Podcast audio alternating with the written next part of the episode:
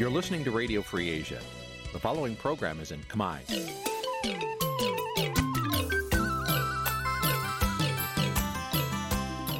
នេះជាកម្មវិធីផ្សាយ Vuthu Azizi Serai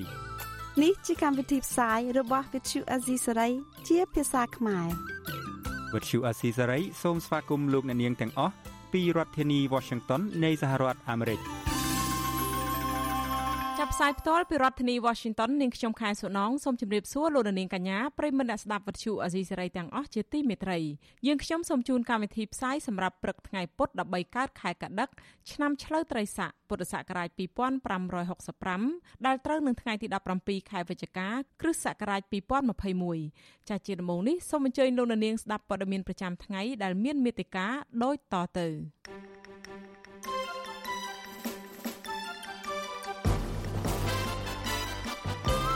កម្មជនបកប្រឆាំងទាមទារឲ្យរបបក្រុងភ្នំពេញប្រគល់សិទ្ធិធ្វើនយោបាយវិញក្នុងខួប4ឆ្នាំនៃការរំលាយគណៈបកសង្គ្រោះជាតិរដ្ឋសភាក្រុងបោះឆ្នោតជ្រើសរើសលោកជាមយាបជាអនុប្រធានទី1រដ្ឋសភាជំនួសលោកងួនញ៉ាល់សកម្មជនទៅចេញពីពន្ធនាគារបន្តតស៊ូមតិទាមទាររកយុត្តិធម៌និងសេរីភាពពេញលេញ អាជ្ញាធរបង្គាប់ឲ្យពលរដ្ឋដាក់ញត្តិទៅអភិបាលក្រុងដើម្បីដោះស្រាយបញ្ហាប្លង់កម្មសិទ្ធិដីនៅក្បែរបឹងតមោករួមនឹងព័ត៌មានផ្សេងៗមួយចំនួនទៀត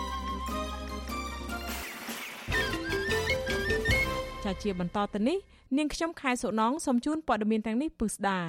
ចាលោកនាងជាទីមេត្រីសកម្មជនបកប្រឆាំងនាំគ្នាបង្ហោះសាររំលឹកខួប4ឆ្នាំនៃការរំលាយគណៈបកសង្គ្រោះជាតិ ពួកគាត់បដិញ្ញាខិតខំតស៊ូដោយអហិង្សាបន្តទៀតដើម្បីទាមទារឲ្យរបបក្រុងភ្នំពេញប្រគល់សិទ្ធិធ្វើនយោបាយពេញលេញជូនគណៈបកប្រឆាំងឡើងវិញអ្នកខ្លំមើលជឿថាបកកណ្ដាលអំណាចនឹងមិនអនុញ្ញាតឲ្យគណៈបកសង្គ្រោះជាតិធ្វើនយោបាយឡើងវិញនោះទេចាប់ពីរដ្ឋធានី Washington លោកសេកបណ្ឌិតរាយការណ៍ព័ត៌មាននេះឆ្នាំនេះសកម្មជននិងមន្ត្រីគណៈបកសង្គ្រោះជាតិមិនបានជួបជុំគ្នានៅមុខទីស្នាក់ការគណៈបក ឬក៏ធ្វើពិធីរំលឹកខួបដូចឆ្នាំមុនមុនបានទេ ដោយសារបារម្ភពីការធ្វើទុកបុកម្នេញនិងការចាប់ខ្លួន តែយ៉ាងណា ពួកគេបានបង្ហោះសារតាម Facebook ដើម្បីរំលឹកខួប4ឆ្នាំនៃការរំលាយគណៈបកប្រឆាំងចៅសង្កាត់អូចាជាប់ឆ្នោតនៃគណៈបកសង្គ្រោះជាតិក្រុងបាត់ដំបងកញ្ញាសិនច័ន្ទពៅរ៉ូសេតបានបង្ហោះសារនៅលើបណ្ដាញសង្គម Facebook ថារយៈពេល4ឆ្នាំមកនេះសកម្មជន សកម្មនារីថ្នាក់ក្រោម មិនបានបោះបង់ឆន្ទៈពលរដ្ឋទេ ហើយនៅតែបញ្ញាយ៉ាងខ្លាំងក្លាក្នុងការរក្សាឆន្ទៈដើមរៀងរហូតកញ្ញាស្នើទៅប្រជាពលរដ្ឋឲ្យជឿជាក់និងទុកចិត្តលើសកម្មជននារីដើម្បីរួមគ្នាទាមទារឲ្យមានការផ្លាស់ប្ដូរជាវិជ្ជមានមួយយ៉ាងពិតប្រាកដកញ្ញាក៏បានភ្ជាប់រូបថតរបស់កញ្ញាកាលពីពេលឡើងថ្លែងសារនៅទីស្នាក់ការគណៈបកសង្គ្រោះជាតិដែរចំណែកប្រធានប្រតិបត្តិគណៈបកសង្គ្រោះជាតិខេត្តស្វាយរៀង ដែលកំពុងភៀសខ្លួននៅក្រៅប្រទេសគឺលោកម៉ៅវិបុលបានបង្ហោះសារថាគណៈបកសង្គ្រោះជាតិនៅតែរឹងមាំបើទោះបីជាជួបព្យុះភ្លៀងខ្យល់បោកបក់យ៉ាងណាក៏ដោយ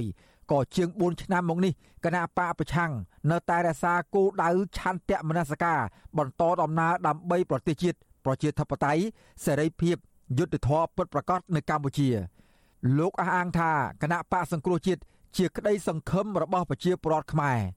លោកថាបើមានគណៈបកសង្គ្រោះជាតិទើបមានប្រជាធិបតេយ្យមានយុត្តិធម៌សេរីពហុបកនៅកម្ពុជា និងការរីកចម្រើនពិត ការអភិវឌ្ឍពិតប្រាកដបន្ថែមពីលើនេះអនុប្រធានប្រតិបត្តិគណៈបកសង្គ្រោះជាតិខេត្តកំពង់ឆ្នាំងលោកដួងចន្ទ្រាសង្កេតឃើញថា ការអវត្តមានគណៈបកប្រឆាំង4ឆ្នាំមកនេះសកម្មជននយោបាយនិងប្រជាពលរដ្ឋសុទ្ធតែរងគ្រោះពីរបបក្រុងភ្នំពេញដូចគ្នាគ្រាន់តែថាសកម្មជនរងគ្រោះតាមរយៈការចាប់ខ្លួន ការតាមវាយធ្វើបាបឯប្រជាពលរដ្ឋរងគ្រោះតាមរយៈការជិះជាន់ពីអ្នកមានអំណាចលោកប្រាជ្ញាថាលោកនិងសកម្មជនគណៈបកប្រឆាំងទាំងអស់នៅតែបន្តខិតខំតស៊ូដោយអហិង្សាបន្តទៀតដើម្បីទាមទាររបបក្រុងភ្នំពេញប្រគល់សិទ្ធិសេរីភាពឲ្យគណៈបកប្រឆាំងនិងការស្ដារលទ្ធិប្រជាធិបតេយ្យឡើងវិញ។ ត្រូវតែប្រគល់សងមកវិញនៅគណៈបកសង្គ្រោះជាតិដើម្បីឲ្យសង្គ្រោះជាតិមានដំណើរការចូលរួមការបោះឆ្នោតនៅឆ្នាំ2022និង23នេះការប្រគល់វិញគឺប្រគល់យ៉ាងបន្ទាន់បំផុតដើម្បីឲ្យការចូលរួមបោះឆ្នោតនឹងបានត្រឹមត្រូវចំណែកនៅឯប្រទេសកូរ៉េខាងត្បូងឯនោះវិញក្រមពលករនិងសមាជិកគណៈបកប្រឆាំងនៅទីនោះក៏សកម្មក្នុងការបង្ហោះសារតាម Facebook ដើម្បីទាមទាររបបក្រុងភ្នំពេញផ្ដល់នីតិសម្បទារបស់គណៈបកសង្គ្រោះជាតិវិញដែរ សមាជិកគណៈបកសង្គ្រោះជាតិនៅប្រទេសកូរ៉េលោកម៉ាត់វ៉ានីឲ្យដឹងថា សមាជិកគណៈបកនៅទីនោះមិនបានជួបជុំគ្នារំលឹកខួបទេព្រោះចំថ្ងៃធ្វើការតែទោះយ៉ាងណាពួកគាត់បានទៀមទារបបក្រុងភ្នំពេញបញ្ឈប់ការធ្វើទុកបុកម្នេញនិងផ្ដល់សិទ្ធិសេរីភាពធ្វើនយោបាយឲ្យគណៈបកប្រឆាំងឡើងវិញព្រោះការរំលាយគណៈបកប្រឆាំងកន្លងមក ជាទង្វើខុសច្បាប់គណៈបកសង្គ្រោះជាតិ ក៏បានចេញសេចក្តីថ្លែងការណ៍ថ្កោលទោសចំពោះទង្វើរំលាយគណៈបកប្រឆាំងកាលពី4ឆ្នាំមុនដែរតាមរយៈសេចក្តីថ្លែងការណ៍ចេញផ្សាយនៅថ្ងៃទី16វិច្ឆិកាគណៈបកសង្គ្រោះជាតិចោទថា4ឆ្នាំក្រោយការសម្លាប់លទ្ធិប្រជាធិបតេយ្យនៅកម្ពុជា របបក្រុងភ្នំពេញ បានប្រើប្រាស់អំណាចគ្មានត្រាប្រណីធ្វើទុកបុកម្នេញបំបិទសិទ្ធិសេរីភាព រំលោភសិទ្ធិមនុស្សធ្ងន់ធ្ងរនិងបង្ក្រាបកាន់តែខ្លាំងលើព្រះសង្ឃសកម្មជននយោបាយសិទ្ធិមនុស្សបរិស្ថាន អ្នកសារព័ត៌មាន និងមន្ត្រីអង្គការសង្គមស៊ីវិលសេចក្តីថ្លែងការណ៍ដដែលបន្តថាទង្វើទាំងនេះពុំបានផ្ដល់ផលចំណេញដល់ប្រទេសកម្ពុជា និងប្រជាពលរដ្ឋខ្មែរទេផ្ទុយទៅវិញគឺរបបក្រុងភ្នំពេញទទួលបានភាពប្រឈមនឹងគំនាបនិងទណ្ឌកម្មពីសហគមន៍អន្តរជាតិពិសេសសហភាពអឺរ៉ុបនិងសហរដ្ឋអាមេរិកគណៈបកសង្គ្រោះជាតិបានអំពាវនាវទៅសហគមន៍អន្តរជាតិឲ្យបន្តដាក់គំនាបបន្ថែមទៀត ដើម្បីឲ្យរបបក្រុងភ្នំពេញផ្ដល់សិទ្ធិសេរីភាពជូនប្រធានគណៈបកប្រឆាំងលោកកំសុខា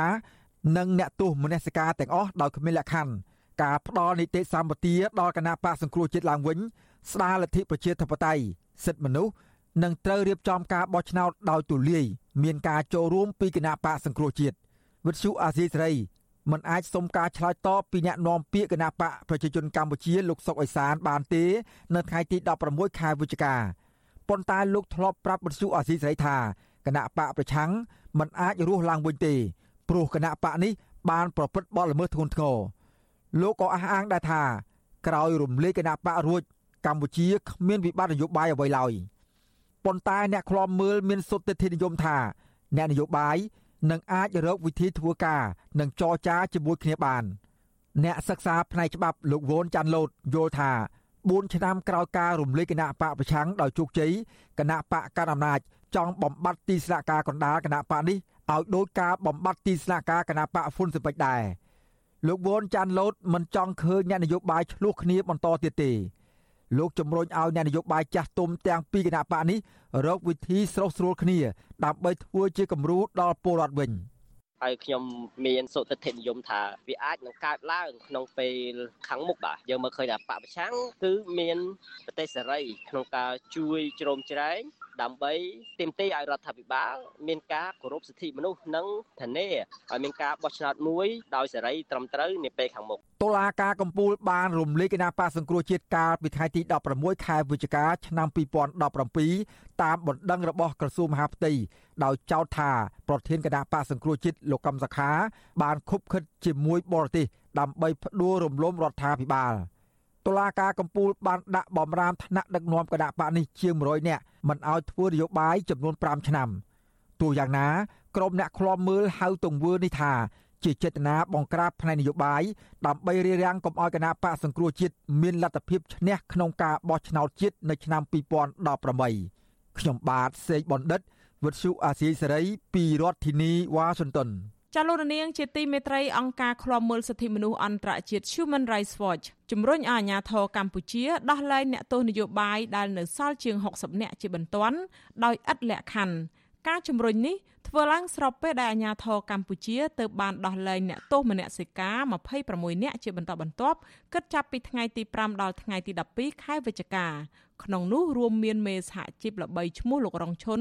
សកម្មជនបរិស្ថាននៃចលនាមេដាធម្មជាតិសកម្មជនសង្គមនិងក្រុមស្ត្រីថ្ងៃសុកជាដើមក៏ប៉ុន្តែអាជ្ញាធរមិនបានទម្លាក់ចោលនៅបទចោទប្រកាន់ទាំងស្រុងចំពោះសកម្មជនទាំងនោះនៅឡើយទេដែលអាចឲ្យពួកគេប្រឈមនឹងការចាប់ដាក់គុកឡើងវិញបាននាពេលអនាគត នាយកប្រតិបត្តិទទួលបន្ទុកកិច្ចការតំបន់អាស៊ីនៃអង្គការឃ្លាំមើលសិទ្ធិមនុស្សអន្តរជាតិ Human Rights Watch លោក Brad Adams ក្នុងសេចក្តីថ្លែងការណ៍របស់អង្គការនេះផ្សាយកាលពីថ្ងៃទី16ខែវិច្ឆិកាម្សិលមិញថាការដោះលែងអ្នកទាំង26នាក់ដែលត្រូវអាជ្ញាធរចាប់ដាក់គុកទាំងដែលពួកគេគ្មានទោសកំហុសតលតែសោះនោះគឺជាដំណឹងល្អប៉ុន្តែលោកសង្កត់ធ្ងន់ថាអាញាធរកម្ពុជា នៅតែអាចចាប់ខ្លួនពួកគេទាំងនោះដាក់គុកឡើងវិញបានដដែល។ លោក Brad Adams អំពាវនាវឲ្យរដ្ឋាភិបាលនានាជាពិសេសសហភាពអឺរ៉ុបដែលនឹងចូលរួមកិច្ចប្រជុំកំពូលអាស៊ីអឺរ៉ុបលើកទី13នៅទីក្រុងភ្នំពេញនៅចុងខែវិច្ឆិកានេះគួរតែជំរុញទៅរដ្ឋាភិបាលកម្ពុជាឲ្យទម្លាក់ចោលរាល់បទចោទនិងដកនៅលក្ខខណ្ឌតុលាការទាំងអស់ចំពោះអ្នកទោសនយោបាយដែលទើបត្រូវបានដោះលែង ទន្ទឹមនឹងគ្នាលោកក៏ជំរុញទៅសហភាពអឺរ៉ុបធ្វើយ៉ាងណាទាមទារឲ្យរដ្ឋាភិបាលកម្ពុជាដោះលែងអ្នកទោសនយោបាយដែលនៅសល់ទាំងអស់ដោយឥតលក្ខខណ្ឌបើតាមអង្គការឃ្លាំមើលសិទ្ធិមនុស្សអន្តរជាតិ Human Rights Watch គិតត្រឹមថ្ងៃទី16ខែវិច្ឆិកាម្សិលមិញមានអ្នកទោសនយោបាយនិងអ្នកទោសមនសិការសរុបជាង60នាក់បច្ចុប្បន្នកំពុងជាប់ឃុំនៅឡើយក្នុងនោះរួមមានសកម្មជនគណៈបកប្រឆាំងសកម្មជនដីធ្លី អ្នកកាសែត និងពលរដ្ឋមួយចំនួនដែលត្រូវបានអាជ្ញាធររបបលោកហ៊ុនសែនចាប់ខ្លួនដោយសារតែពួកគេបានបង្ហោះសាររិះគន់រដ្ឋាភិបាលនៅលើបណ្ដាញសង្គមលោក Brad Adams គូបញ្ជាក់ថាការដោះលែងអ្នកទោសនយោបាយនៅកម្ពុជាថ្មីៗនេះបង្ហាញថារដ្ឋាភិបាលកម្ពុជា ទំនងជាបារម្ភពីការរិះគន់ជាអន្តរជាតិក្នុងអំឡុងពេលកិច្ចប្រជុំកំពូលអាស៊ីអឺរ៉ុបនិងក្នុងពេលដែលកម្ពុជាធ្វើជាប្រធានអាស៊ាននៅឆ្នាំ2022ខាងមុខ រដ្ឋលេខាធិការនិងជាអ្នកណែនាំពាក្យក្រសួងយុតិធធលោកចិនម៉ាលីន បានបកស្រាយប្រាប់សារព័ត៌មានក្នុងស្រុកថាការដោះលែងមន្ត្រីគណៈបកសង្គ្រោះជាតិនិងសកម្មជនសង្គមផ្សេងផ្សេងគឺជាការអនុគ្រោះរបស់តុលាការដើម្បីកាត់បន្ថយការកកស្ទះក្នុងពន្ធនាគារលោកបដិសេធថាការដោះលែងនេះមិនមែនដោយសារតែកម្ពុជារងសម្ពាធពីបរទេសនោះឡើយ។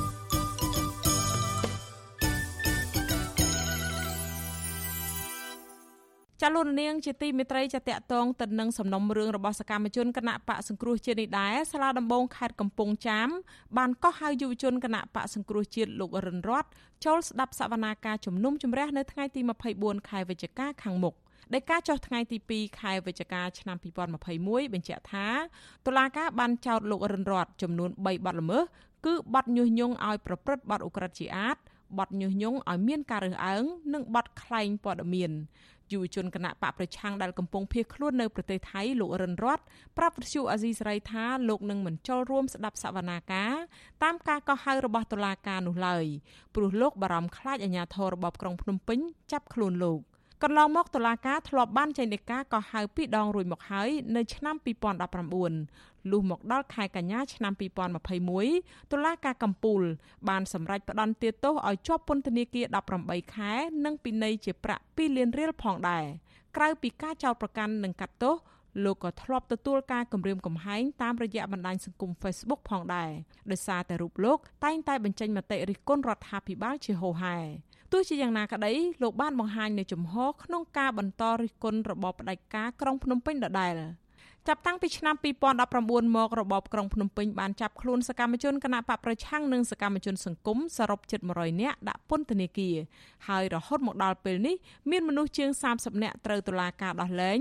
និងសកម្មជនជិត60នាក់ទៀតកំពុងជាប់ឃុំនៅក្នុងពន្ធនាគារពួកគេភ័យច្រើនត្រូវបានតុលាការចោទប្រកាន់ពីបទរួមគំនិតក្បត់និងញុះញង់ពាក់ព័ន្ធទៅនឹងការបង្ហោះសារចូលរួមសកម្មភាពនយោបាយជាមួយថ្នាក់ដឹកនាំគណៈបកសង្គ្រោះជាតិ ក្រុមអង្គការជាតិនិងអន្តរជាតិនិងក្រុមប្រទេសប្រជាធិបតេយ្យព្រមទាំងអ្នកជំនាញសិទ្ធិមនុស្សរបស់អង្គការសហប្រជាជាតិបានចាត់ទុកថាការចាប់ខ្លួននិងចោទប្រកាន់សកម្មជនទាំងនោះគឺជារឿងអយុត្តិធម៌និងគ្មានមូលដ្ឋានច្បាប់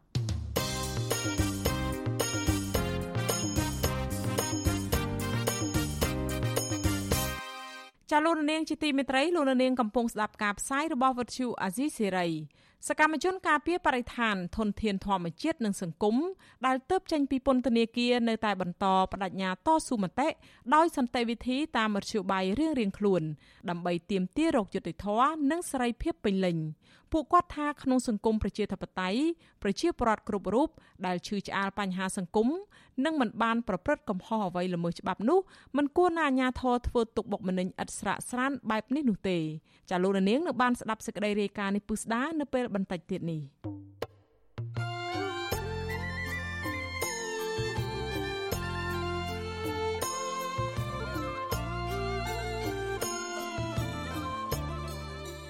ចាលោកនាងកញ្ញាប្រិមមអ្នកស្ដាប់វិទ្យុអាស៊ីសេរីទាំងអស់ជាទីមេត្រីចាវិទ្យុអាស៊ីសេរីផ្សាយតាមរយៈរលក ធាតុអាកាសខ្លីឬ shortwave តាមកម្រិតនិងកម្ពស់ដូចតទៅនេះពេលព្រឹកចាប់ពីម៉ោង5កន្លះដល់ម៉ោង6កន្លះតាមរយៈរលក ធាតុអាកាសខ្លី13715 kHz ស្មើនឹងកម្ពស់ 22m ពេលយប់ចាប់ពីម៉ោង7កន្លះដល់ម៉ោង8កន្លះតាមរយៈរលក ធាតុអាកាសខ្លី9990 kHz ស្មើនឹងកម្ពស់ 30m និង11240 kHz ស្មើនឹងកម្ពស់ 25m ចាសសូមអរគុណ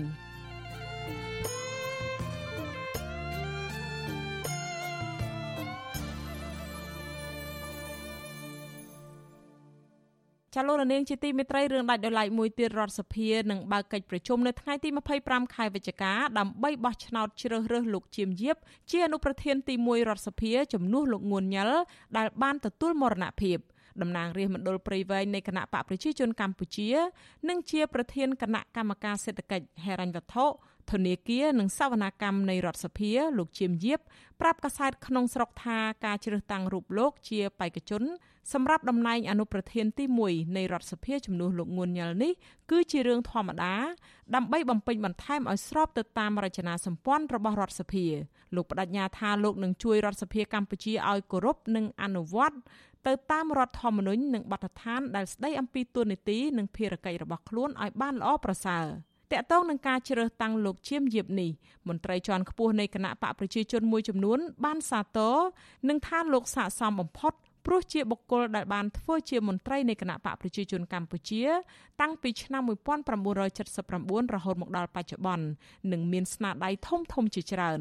ប៉ុន្តែលោកជាមយៀបកន្លងមកធ្លាប់មានកេរ្តិ៍ឈ្មោះមិនល្អតាក់ទងទៅនឹងករណីបង្កគ្រោះថ្នាក់ចរាចរណ៍ដែលអ្នកបើករថយន្តរបស់លោកបានបើកបុកមនុស្សហើយបើករថកិច្ចដោយមិនចោះជួយជនរងគ្រោះបណ្ដាលឲ្យប្រពន្ធជនរងគ្រោះស្លាប់និងប្តីរងរបួសធ្ងន់នៅក្នុងហេតុការណ៍នោះលោកជាមយៀប ក៏ជិះនៅក្នុងរថយន្តដែលបើករថកិច្ចនោះដែរតកតងរឿងសំណុំរឿងគ្រោះថ្នាក់នេះមន្ត្រីគ្រប់គ្រងកម្មវិធីសិទ្ធិការងារនៃមជ្ឈមណ្ឌលសម្ព័ន្ធភាពការងារនិងសិទ្ធិមនុស្សហៅកាត់ថាអង្គការសង្ត្រាល់លោកខុនថារ៉ូយល់ថានេះគឺជាទូនាទីកម្ពុជារបស់រដ្ឋជាស្ថាប័ននីតិបញ្ញត្តិដែលមានទូនាទីក្នុងការអនុម័តច្បាប់និងធានានៅការអនុវត្តច្បាប់ដែលថ្នាក់ដឹកនាំស្ថាប័ននេះគួរតែជាបុគ្គលដែលស័ក្តិសម។ បើសិនជាបុគ្គលដែលគាត់បានប្រព្រឹត្តបទល្មើសហើយគាត់មិនត្រូវបានចោទប្រកាន់ដោយតុលាការនៅបទល្មើសដែលគាត់បានប្រព្រឹត្តហើយคล้ายទៅជាថាដឹកនាំស្ថាប័ននីតិបញ្ញត្តិមួយនោះខ្ញុំគិតថាវាដូចជាមិនមានភាពស័ក្តិសមហើយវាបង្ហាញទៅសាធារណៈថា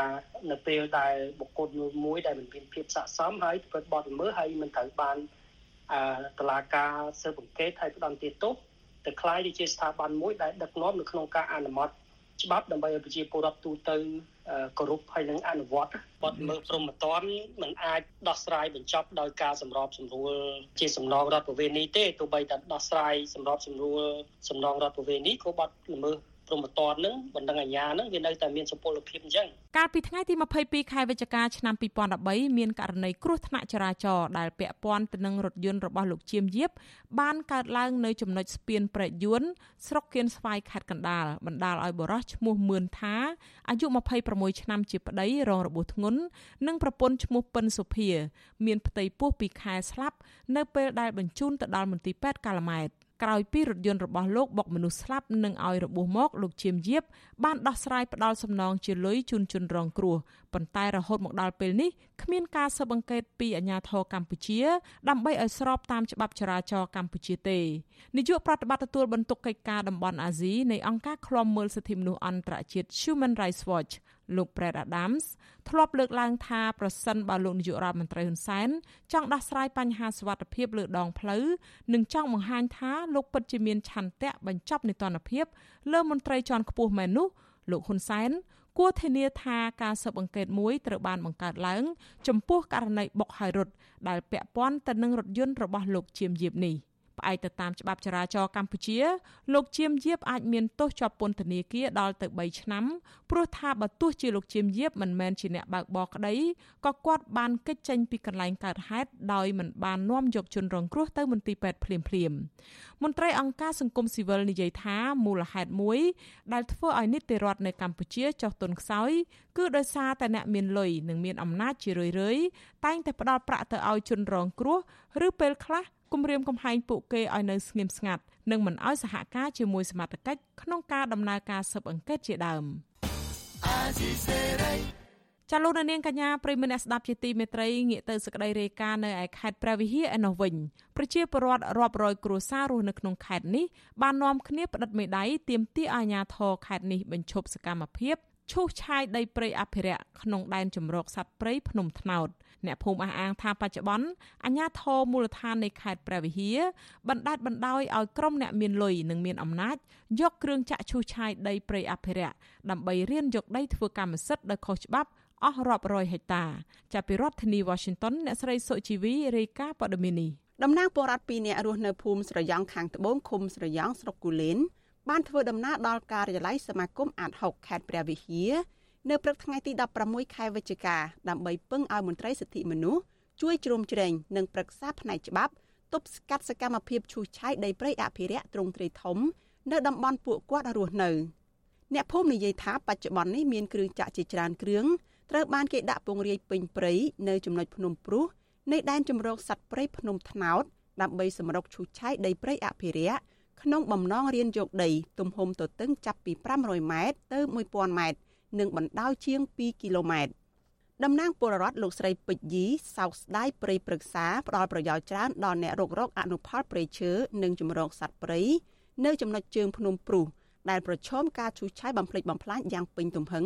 នៅរយៈពេល3ខែចុងក្រោយនេះលោកស្រីបន្តថាអ្នកភូមិរាប់រយគ្រួសារកំពុងពិភាក្សានិងប្រមូលស្នាមមេដៃ ដើម្បីដាក់ញត្តិស្នើឲ្យអាជ្ញាធរខេត្តទប់ស្កាត់សកម្មភាពឈូសឆាយនេះលោកស្រីបន្ថែមថាអ្នកភូមិខ្លះមិនហ៊ានងើបតវ៉ាប្រឆាំងសកម្មភាពឈូសឆាយព្រៃទាំងនេះទេព្រោះខ្លាចក្រែងអាជ្ញាធរធ្វើបាប អានេះគេឈូគេគេចែកគ្នាអង្គន់ចែកគ្នាអស់ទៀតនោះណាលោកគ្រូអស់ហើយសំបីតែភ្នំកកាយសវេយោទៀតណាលោកគ្រូក៏អត់ទាន់បានបរិជ្ជភ្នំណូតលិកទេឈូឆាយទេប៉ុន្តែសវេគេកាយអស់ហើយណាលោកខ្ញុំចង់ឲ្យទៅទុកព្រៃឈើណាលោកគ្រូឆ្លាញ់ព្រៃឈើឆ្លាញ់ភ្នំកុំឲ្យបាត់បង់គេពីបុរាណមកណាឲ្យនៅគង់វងដល់ក្មេងការក្រោយថានេះប្រទេសខ្មែរមានភ្នំនេះមានព្រៃឈើពលរដ្ឋម្នាក់ទៀតគឺលោកតបរនសង្កេតឃើញថា សកម្មភាពឈូសឆាយដីព្រៃដ៏ធំសម្បើមនេះមានការខົບខិតគ្នាជាប្រព័ន្ធរវាងក្រមឈ្មួញនិងអាជ្ញាធរមួយចំនួននៅខេត្តព្រះវិហារលោកថាប្រសិនបរដ្ឋាភិបាលមិនអន្តរាគមទប់ស្កាត់ទេព្រៃស្រោងនៅចំណុចជើងភ្នំព្រុសជាច្រើនពាន់ហិកតានឹងត្រូវហិនហោចជាមិនខានលោកបន្ថែមថាបច្ចុប្បន្នក្រុមកម្មករជាច្រើនក្រុមបានប្រើរណាយន្តអារំលំឈើធំធំរួចយកគ្រឿងចាក់ឈូសឆាយសម្អាតដីឲ្យคล้ายជាវាល ដើម្បីគ្រប់គ្រងជាកម្មសិទ្ធិបុគ្គលតកតងបញ្ហានេះអភិបាលខេត្តព្រះវិហារលោកប្រាក់សុវណ្ណមិនបំភ្លឺរឿងនេះទេចំណែកអភិបាលស្រុកគូលែនលោកប៉ាងយាតនិងប្រធានមន្ទីរបរិស្ថានខេត្តនេះលោកសុងច័ន្ទសុជាតិក៏មិនអាចសុំការបំភ្លឺបានដែរដោយទូរស័ព្ទហៅចូលតែគ្មានអ្នកលើកនៅថ្ងៃទី16ខែវិច្ឆិកាប៉ុន្តែមេឃុំស្រយ៉ង់លោកគ្រួចស្រោប្រាប់វិទ្យុអាស៊ីសេរីថាលោកមិនបានដឹងរឿងរ៉ាវនេះទេដោយលោកថាពលរដ្ឋ មិនបានផ្ដល់ដំណឹងជូនលោកនៅឡើយទេលោកបញ្ជាក់ថាអាជ្ញាធរឃុំមិនអាចទប់ស្កាត់បទល្មើសព្រៃឈើទាំងនេះបានគ្រប់ជ្រុងជ្រោយនោះឡើយព្រោះហួសពីសមត្ថភាពរដ្ឋបាលឃុំដែលត្រូវដោះស្រាយគេដៃគេមកវាធ្វើសត្វអង្គកាយអង្គខែខ្ញុំអត់ហ៊ានស្អីទេនុកណាស្អីក៏ធ្វើទៅសាច់អស់លោកបាទខាងសាច់នេះឯកឧត្តមខ្សែខែបាទបាទអរគុណច្រើនខ្ញុំពុំធ្វើការនេះកាលពីឆ្នាំ2008អ្នកភូមិជាង100គ្រួសារ បានផ្តិតមេដៃដាក់ញត្តិឲ្យអាជ្ញាធរខេត្តព្រះវិហាររកមធ្យោបាយអភិរក្សព្រៃឈើនៅតំបន់ភ្នំព្រុសឲ្យគង់វង្សដើម្បីផ្ដល់លទ្ធភាពឲ្យអ្នករករកអនុផលព្រៃឈើជាជំរកសត្វព្រៃនិងទប់ស្កាត់បំរែបំរួលធាតុអាកាសជុំវិញរឿងនេះមន្ត្រីសម្របសម្រួលសមាគមអាត6ខេត្តព្រះវិហារលោកឡាវច័ន្ទមានប្រសាសន៍ថាសមាគមអាត6បានទទួលពាក្យបណ្ដឹងពីតំណាងពលរដ្ឋរួចហើយហើយពួកគាត់កំពុងប្រមូលស្នាមមេដៃ ដើម្បីជំរុញឲ្យមានដំណោះស្រាយពីវិបត្តិព្រៃឈើលោកស្នើឲ្យអាជ្ញាធរខេត្តព្រះវិហារទប់ស្កាត់សកម្មភាពបំផ្លិចបំផ្លាញព្រៃឈើនៅតំបន់នោះជាបន្ទាន់ក្នុងនោះវាមានខាងរដ្ឋបាលព្រៃឈើខាងអាជ្ញាធរធននដែនចឹងទៅវាមានចម្រោះចឹងហើយបើសិនជាមួយធ្វើហើយអត់មានការសហការមានការគប់ខិតមួយទៀតក៏ធ្វើមិនចេញដែរចឹងហើយតួតែអ្នកទាំងអស់ហ្នឹងលក្ខណៈគប់ខិតគ្នា ស្រោះគ្នាក្នុងការធ្វើស៊ីដីហ្នឹងទើបអាចធ្វើចេញរួមជាមួយអាជ្ញាធរផងមន្ត្រីសង្គមស៊ីវិលរូបនេះបន្ថែមថាអាជ្ញាធរខេត្តព្រះវិហារនិងឆ្មាំអភិរក្សរបស់ក្រសួងបរិស្ថានដែលបណ្ដេតបណ្ដោយឲ្យមានសកម្មភាពឈូសឆាយដីព្រៃអភិរក្សខុសច្បាប់នឹងត្រូវមានទោសដែលរដ្ឋាភិបាលនិងតុលាការគួរតែចាត់វិធានការលើមន្ត្រីខិលខូចទាំងនោះដែនជំរកសត្វព្រៃភ្នំថ្នោតភ្នំពក មានផ្ទៃដីចំនួន42000ហិកតា ស្ថិតក្នុងស្រុកសង្គមថ្មីស្រុកគូលែនខេត្តព្រះវិហារនិងស្រុកជីក្រែងខេត្តសៀមរាបដែនអភិរក្សនេះត្រូវបានបង្កើតឡើងនៅក្នុងឆ្នាំ2017គ្រប់គ្រងដោយក្រសួងបរិស្ថានចា៎នេះខ្ញុំសុជីវីវិទ្យុអាស៊ីសេរីពីរដ្ឋធានី Washington ចាលោកនាងកញ្ញាប្រិមមអ្នកស្ដាប់ជាទីមេត្រីនៅឯខេត្តកណ្ដាលឯនោះវិញអ្នកភូមិកំពង់តាឡុងប្រមាណ30នាក់សម្រាប់ចាត់នាំគ្នាដេកមុខផ្ទះលោកនាយករដ្ឋមន្ត្រីហ៊ុនសែននៅឯក្រុងតាខ្មៅកាលពីថ្ងៃទី16ខែវិច្ឆិកាដើម្បីស្នើសុំកិច្ចអន្តរាគមន៍ជួយដោះស្រាយចំនួនដីធ្លីដ៏ចម្រូងចម្រាសជាមួយក្រុមហ៊ុន OCIC របស់អង្គការពងខៀវសែ ប៉ុន្តែពួកគាត់រំសាយទៅផ្ទះវិញក្រោយពីមានមន្ត្រីម្នាក់ស្លៀកពាក់ស៊ីវិលចេញមកទទួលញត្តិដោយអះអាងថានឹងបញ្ជូនសំណើនេះទៅដល់ខុទ្ទកាល័យលោកនាយករដ្ឋមន្ត្រីហ៊ុនសែនចាលោកមួងណារ៉េតរាយការណ៍ព័ត៌មាននេះពលរដ្ឋរស់នៅភូមិកំពង់តឡុងឃុំបឹងខ្យាងដែលប្រឈមនឹងការបាត់ដីស្រែនិងផ្ទះសម្បែងដោយសារតែគម្រោងវាលយន្តហោះថ្មី នៅឯស្រុកកណ្ដាលស្ទឹងខេត្តកណ្ដាលនោះលើកឡើងថាពួកគាត់តែងតែព្យាយាមដាក់ញត្តិ និងសូមកិច្ចអន្តរាគមន៍ពីអាជ្ញាធរស្រុក និងអាជ្ញាធរខេត្តនិងក្រសួងពាក់ព័ន្ធជាច្រើនលើកមកហើយក៏ប៉ុន្តែពួកគាត់នៅមិនទាន់ទទួលបានដំណោះស្រាយណាមួយដែលអាចទទួលយកបាននោះទេ នៅក្នុងរយៈពេលជាង4ឆ្នាំមកហើយនេះ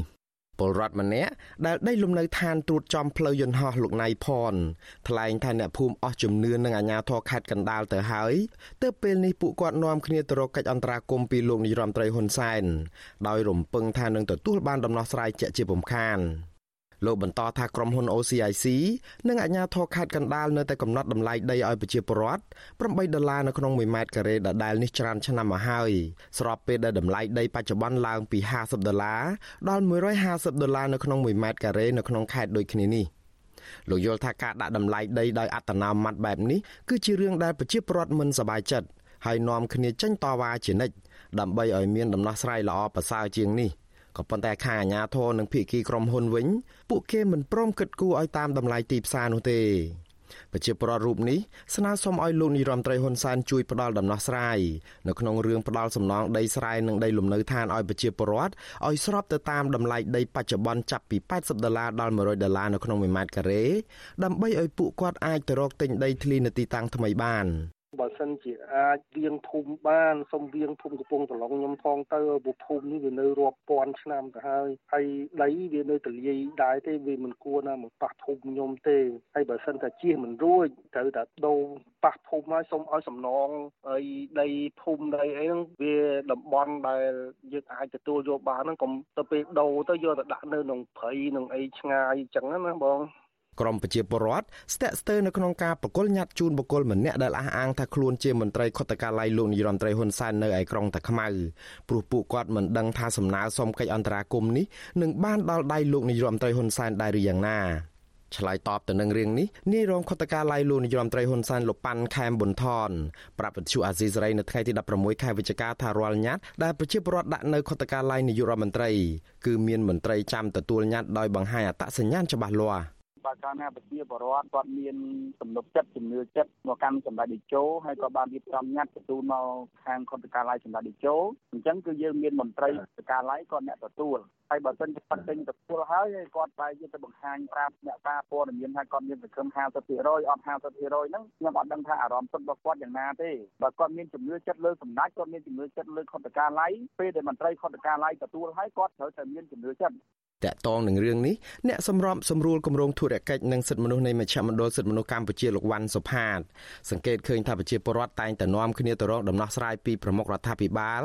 នៅពេលដែលបញ្ហាដីធ្លីរបស់ពួកគាត់មិនអាចត្រូវបានដោះស្រាយបញ្ចប់បានត្រឹមអាជ្ញាធរថ្នាក់ក្រោមជាតិនិងថ្នាក់ជាតិ លោកបន្តថារូបភាពបែបនេះគឺបង្ហាញអំពីយន្តការដោះស្រាយបញ្ហាជូនប្រជាពលរដ្ឋពីសំណាក់អាជ្ញាធរនិងក្រសួងពាក់ព័ន្ធនៅទុនខ្សោយដោយរងចាំសេចក្តីសម្រេចពីនាយករដ្ឋមន្ត្រីទើបអាចដោះស្រាយជូនប្រជាពលរដ្ឋបានលោកសង្ឃឹមថាប្រមុខរដ្ឋាភិបាលនឹងរៀបចំកាយសម្រួលយ៉ាងណាឲ្យអាជ្ញាធរថ្នាក់ក្រោមជាតិនិងថ្នាក់ជាតិមានសមត្ថភាពនិងសមត្ថកិច្ចពេញលេញក្នុងការដោះស្រាយបញ្ហាជូនប្រជាពលរដ្ឋប្រកបដោយភាពយុត្តិធម៌ដំណាភាពនិងភាពត្រឹមត្រូវតាមច្បាប់ ហូតមកដល់បច្ចុប្បន្ននេះខ្ញុំឃើញថានៅក្នុងកំឡុងបច្ចុប្បន្ននេះជាពលរដ្ឋគាត់កំពុងតែមានការព្រួយបារម្ភខ្លាំងតែមទៅលើមកចំណុចទៀតហ្នឹងគឺដោយសារតែក្រុមហ៊ុនហ្នឹងបានជ្រៀតចូលទៅវាស់វែងដីផ្ទះរបស់គាត់ដែលកំពុងស្នាក់នៅនៅក្នុងភូមិរបស់គាត់ហ្នឹងទៀតហើយនេះជាព័ត៌មានមួយដែលសម្ដេចប្រមុខរដ្ឋាភិបាលហ្នឹងគួរតែដឹងហើយគួរតែជួយចាត់វិធានការយ៉ាងម៉េចដើម្បីប្រមុខកុំឲ្យក្រុមហ៊ុនហ្នឹងចេះតែមានមហិច្ឆតាដើម្បីប៉ះពាល់ដល់ដីសិទ្ធិការឲ្យមានដីធ្លីនិងសិទ្ធិនៅខាងរបស់ជាពលរដ្ឋនេះគឺការរំលោភសិទ្ធិមនុស្សរបស់ជាពលរដ្ឋនៅទីនោះណាបាទចំនួនដីធ្លីរវាងក្រុមហ៊ុន OCIC របស់អង្គការពងខៀវសែជាមួយនឹងប្រជាពលរដ្ឋសរុបជាង300គ្រួសារនៅឯស្រុកកណ្ដាលស្ទឹងខេត្តកណ្ដាលនោះអូសបន្លាយពេលជាង3ឆ្នាំមកហើយដោយពលរដ្ឋមិនព្រមទទួលយកសំណងដែលអាជ្ញាធរផ្ដល់ឲ្យចន្លោះពី3ដុល្លារដល់8ដុល្លារនៅក្នុង1ម៉ែត្រការ៉េ ក្រុមហ៊ុនសជីវកម្មវិនិយោគក្រៅប្រទេសកម្ពុជាហៅកាត់ថា OCIC របស់លោកពងខៀវសែ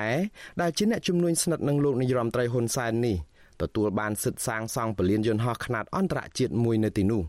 តាមគម្រោងក្រុមហ៊ុននឹងសាងសង់រួចរាល់នៅឆ្នាំ2023ពលានយន្តហោះថ្មីនេះវិនិយោគនៅក្នុងទឹកប្រាក់ប្រមាណជាង1000លានដុល្លារលើផ្ទៃដីជិត3000ហិកតា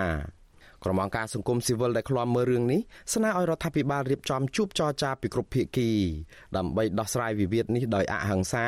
និងឈលលើគោលការណ៍ច្បាប់ដើម្បីធានាដល់សិទ្ធិម្ចាស់ដី និងសំណងសមរម្យដល់សហគមន៍ដែលរងផលប៉ះពាល់ពីគម្រោងអភិវឌ្ឍនេះខ្ញុំបាទមុងណារ៉េត With Shu Azisari ប្រធានាធិបតី Washington ចលនានកញ្ញាប្រិមនអ្នកស្ដាប់ជាទីមេត្រីតកតងទៅនឹងបញ្ហាសិទ្ធិលំនៅឋានដែលអាជ្ញាធរបង្គាប់ឲ្យពលរដ្ឋតវ៉ាដាក់ញត្តិទៅអភិបាលក្រុងភ្នំពេញដើម្បីដោះស្រាយបញ្ហាប្លង់កម្មសិទ្ធិដីនៅក្បែរបឹងតាមុកការបញ្ជាក់នេះគឺធ្វើឡើងក្រោយពេលដែលអ្នកភូមិសំរោងត្បូង ខណ្ឌព្រែកភ្នៅនាំគ្នាតវ៉ាបង្ហាញការព្រួយបារម្ភអំពីផលប៉ះពាល់នៃការលុបខ្សាច់របស់ក្រុមហ៊ុនឯកជនមួយដែលទទួលបានសិទ្ធិលុបផ្នែកខ្លះនៃបឹងតាមុកតាមអនុក្រឹត្យរបស់រដ្ឋាភិបាលចាលោកមានរិទ្ធរាយការណ៍ព័ត៌មាននេះពលរដ្ឋរស់នៅក្បែរមាត់បឹងតាមុកនៅក្នុងភូមិសំរោងត្បូងសង្កាត់សំរោងខណ្ឌព្រែកភ្នៅបានផ្អាកការតវ៉ាហើយនៅថ្ងៃទី16ខែវិច្ឆិកាដើម្បីរងចាំមើលដំណោះស្រាយពីអាជ្ញាធរបន្តទៀត តំណាងសហគមន៍សំរោងត្បូងលោកស្រីទឹមអុកប្រាប់វិសុយស៊ីស្រីនៅថ្ងៃទី16ខែវិច្ឆិកាថាអ្នកភូមិជាង100គ្រួសារបានយល់ព្រមផ្អាកការតវ៉ាសិនក្រោយពេលអភិបាលរងរាជធានីភ្នំពេញលោកមានច័ន្ទយ៉ាដាបានចុះមកណែនាំឲ្យពលរដ្ឋសរសេរញត្តិដាក់ទៅអភិបាលរាជធានីភ្នំពេញលោកខួងស្រេងជំនួសឲ្យការតវ៉ានេះ លោកស្រីសង្ឃឹមថាអភិបាលក្រុងនឹងផ្ដល់ដំណោះស្រាយជូនអ្នកភូមិហើយបើពុំដូច្នោះទេពួកគេនឹងប្រមូលផ្ដុំគ្នាតវ៉ាជាបន្តទៀតគេតម្លាក់ទៅយោតម្លាក់អីក៏តម្លាក់មកបងចាច់ចូលគេចាក់ដីនៅខាងក្រោយហ្នឹងក៏ចាក់ទៀតចឹងជាជួនពួកខ្ញុំហ្នឹងវាភ័យព្រួយបារម្ភមែនតើនិយាយទៅអាញាធរគេអាចទទួលស្គាល់ពួកខ្ញុំជាកូនចៅផងហ្នឹងដល់ពេលចឹងយើងភ័យបារម្ភអ្នកភូមិសម្រងត្បូងដែលរស់នៅជាប់មាត់បឹងតមោក បានប្រមូលផ្ដុំគ្នាតវ៉ាកាលពីថ្ងៃទី14និងថ្ងៃទី15ខែវិច្ឆិកាទាមទារឲ្យអាជ្ញាធរពន្យាការផ្ដាល់បានកម្មសិទ្ធិដីធ្លីជូនពួកគាត់ព្រោះពួកគេថាក្រុមហ៊ុនឯកជន ដែលទទួលបានសិទ្ធិលុបបឹងកំពុងពង្រាយទយោត្រៀមបូមខ្សាច់ដែលនឹងអាចប៉ះពាល់ដល់អ្នកភូមិអ្នកភូមិដដែលអះអាងថាពួកគាត់មិនស្គាល់ឈ្មោះក្រុមហ៊ុនដែលកំពុងត្រៀមទយោបូមខ្សាច់ចេញពីបឹងតមោកនោះទេ ក៏ប៉ុន្តែរដ្ឋាភិបាលធ្លាប់ចេញអនុក្រឹត្យកាត់ផ្ទៃបឹងតមោកក្បែរភូមិសំរោងត្បូងឲ្យទៅក្រសួងមហាផ្ទៃទំហំ100ហិកតាឲ្យទៅបុគ្គលឯកជនគឺលោកស្រីអ៊ុយបូវី និងលោកស្រីគង់សុធីជិត200ហិកតានិងឲ្យទៅគ្រួសាររបស់កងរាជអាវុធហត្ថ16គ្រួសារទំហំជាង20000ម៉ែត្រក្រឡា ផ្ទុយពីករណីនេះអ្នកភូមិសំរោងត្បូងវិញនៅមិនទាន់ទទួលបានប្លង់កម្មសិទ្ធិដីធ្លីនោះទេបើទោះបីជាពួកគាត់អះអាងថាពួកគាត់បានរស់នៅក្បែរមាត់បឹងនិងប្រកបរបរនៅលើបឹងនេះតាំងពីឆ្នាំ1990មកហើយក៏ដោយអ្នកភូមិសំរោងត្បូងបានស្វែងរកដំណោះស្រាយពីសាលាខណ្ឌព្រែកភ្នៅនិងនាំគ្នាតវ៉ាទាមទារបានកម្មសិទ្ធិដីធ្លីនេះអស់ជាច្រើនលើកច្រើនសារមកហើយ កន្លងមកអាជ្ញាធរបានត្រឹមតែចុះសម្របសម្រួលឲ្យអ្នកភូមិផ្អាកការតវ៉ានិងរងចាំការដោះស្រាយពីអាជ្ញាធរបន្តទៀតទាក់ទងនឹងបញ្ហានេះ Visual C ស្រីមិនអាចសុំការបញ្ជាក់ពីអភិបាលខណ្ឌព្រែកភ្នៅ លោកសុកសម្បត្តិនិងអ្នកនាំពាក្យសាលារាជធានីភ្នំពេញលោកមេតមាសភក្តីបាននៅឡើយទេ នៅថ្ងៃទី16ខែវិច្ឆិកាជុំវិញរឿងនេះមន្ត្រីអង្គការសង្គមស៊ីវិលដែលឃ្លាំមើលករណីដីធ្លីនៅតំបន់នោះជំរុញឲ្យអាជ្ញាធរ ពន្លឿនការស្វែងរកដំណោះស្រាយជូនអ្នកភូមិប្រធានគម្រោងសិទ្ធិលំនៅឋាននិងស្រាវជ្រាវនៃអង្គការសមាគមធៀងថ្នោតលោកសៀងមួយឡៃយល់ថាអាញាធរគ្រប់លំដាប់ថ្នាក់គួរកុំពន្យាពេលដោះស្រាយបញ្ហាដីធ្លីរបស់អ្នកភូមិសំរោងត្បូងតទៅទៀតបើពុំដូច្នោះទេបញ្ហានេះអាចនឹងជួបនឹងការលំបាកនាពេលក្រោយ។ គាត់មិនមែនកាន់កាប់ខុសច្បាប់ទេមានន័យថាគាត់មកកាន់កាប់ទីតាំងកន្លែងហ្នឹងដោយអ្នកខ្លះមានទិញអ្នកខ្លះទទួលបានមរតកពីពុកម្ដាយរស់នៅតបន្ទាប់ទៀតអញ្ចឹងណាអញ្ចឹងបើសិនជាប្រៀបធៀបជាមួយអ្នកផ្សេងទៀតអ្នកខ្លះគាត់មិនដែលរស់នៅកន្លែងហ្នឹងផងហើយគាត់ទទួលបានដីធំធំជាងប្រជាពលរដ្ឋអាហ្នឹងគួរតែបញ្ញាធមមូលដ្ឋានក៏ដូចជារដ្ឋាភិបាលគាត់ពិចារណាទៅនឹងដែរដើម្បីផ្ដល់នៅកម្មសិទ្ធិជនប្រជាពលរដ្ឋ រដ្ឋាភិបាលធ្លាប់ចេញអនុក្រឹត្យកំណត់ផ្ទៃបឹងតាមុកឬបឹងទំនប់កប់ស្រូវដែលមានទំហំសរុបជាង3000ហិកតា ជាទ្រព្យសម្បត្តិសាធារណៈរបស់រដ្ឋបឹងនេះបានដើរតួនាទីជាអាងស្តុកទឹកស្អុយធំបំផុតមួយនៅរាជធានីភ្នំពេញក្រោយពេលដែលបឹងធំធំនៅក្នុងក្រុងត្រូវបានលុបដោយផ្នែកឬត្រូវបានលុបទាំងស្រុងក្រោមគម្រោងអភិវឌ្ឍន៍នានា ក៏ប៉ុន្តែរយៈពេល4ឆ្នាំចុងក្រោយមកនេះរដ្ឋាភិបាលបានបង្កើនល្បឿននៃការចាក់ដីលុបបឹងតមោកតាមរយៈការកាត់ផ្ទៃបឹងឲ្យទៅក្រុមហ៊ុនឯកជនឲ្យបុគ្គលផ្ទាល់ជាឈ្មួញជាមន្ត្រីមានអំណាចជាកូនរបស់មន្ត្រីរដ្ឋាភិបាលនឹងការសាងសង់អគាររដ្ឋឬគម្រោងសាងសង់ឧទ្យានសាធារណៈជាដើមដែលធ្វើឲ្យអ្នកខ្លំមើលព្រួយបារម្ភអំពីការប៉ះពាល់បរិស្ថានយ៉ាងធ្ងន់ធ្ងរ របាយការណ៍របស់អង្គការសមាគមធៀងថ្នោតបង្ហាញថាចាប់តាំងពីឆ្នាំ2018មករដ្ឋាភិបាលរបស់លោកនាយរដ្ឋមន្ត្រីហ៊ុនសែនបានកែសម្រួលឬអនុញ្ញាតឲ្យមានការលុបផ្ទៃបឹងតមោកនេះចំនួន30លើកមកហើយអង្គការនេះបញ្ជាក់ថាផ្អែកតាមប្លង់គោលរបស់សាលារដ្ឋាភិបាលភ្នំពេញឆ្នាំ2035ផ្ទៃបឹងតមោកដែលមានទំហំសរុបជាង3000ហិកតានេះនឹងត្រូវថែរក្សាទុកតែជាង2000ហិកតាតែប៉ុណ្ណោះខ្ញុំបាទមេរិត Visual C ស្រីរាយការណ៍ពីរដ្ឋធានី Washington